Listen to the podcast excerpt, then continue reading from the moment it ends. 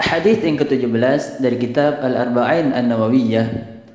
An Abi Ya'la Shaddad bin Aus radhiyallahu taala anhu an Rasulillah sallallahu alaihi wasallam qala Inna Allah kataba al-ihsan ala kulli syai' fa idza qataltum fa ahsinul qitlah wa idza dhabhtum fa ahsinudz dzibhah wal yuhidda ahadukum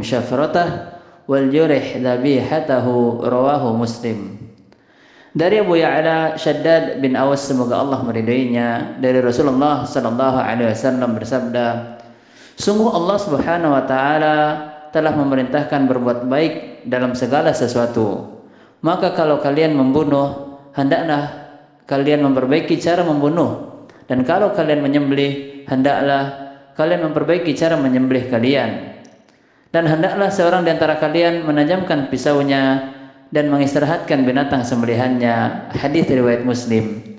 Faidah hadis yang pertama, Islam adalah agama yang penuh kasih sayang. Agama yang menetapkan dan memerintahkan penganutnya agar senantiasa melakukan kebaikan di, seluruh perkara dan kepada siapa pun. Faedah yang kedua, dalam hal membunuh atau kisos dan menyembelih hewan, Islam pun telah memerintahkan agar dilaksanakan dengan cara yang baik. Faedah yang ketiga, seorang muslim hendaknya sangat memperhatikan hal yang mengandung unsur kebaikan dan seorang muslim semangat di dalam melakukan kebaikan tersebut.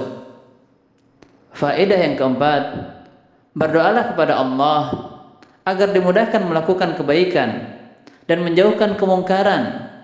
Di antara doa yang diajarkan dalam riwayat Muad bin Jabal bahwasanya Rasulullah sallallahu alaihi wasallam pernah berdoa, Allahumma inni as'aluka fi'lal khairat wa tarkal wa tarkal munkarat wa hubbal masakin wa anta ghfirli wa tarhamni wa idza aradta fitnata qaum fatawaffani ghairu maftun.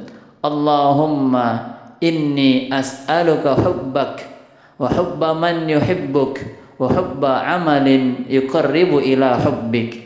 Ya Allah aku memohon kepadamu untuk mudah melakukan kebaikan dan dapat meninggalkan kemungkaran serta bisa mencintai orang miskin.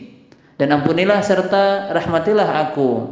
Jika engkau hendak menguji satu kaum maka wafatkanlah aku dalam keadaan tidak tenggelam dalam ujian.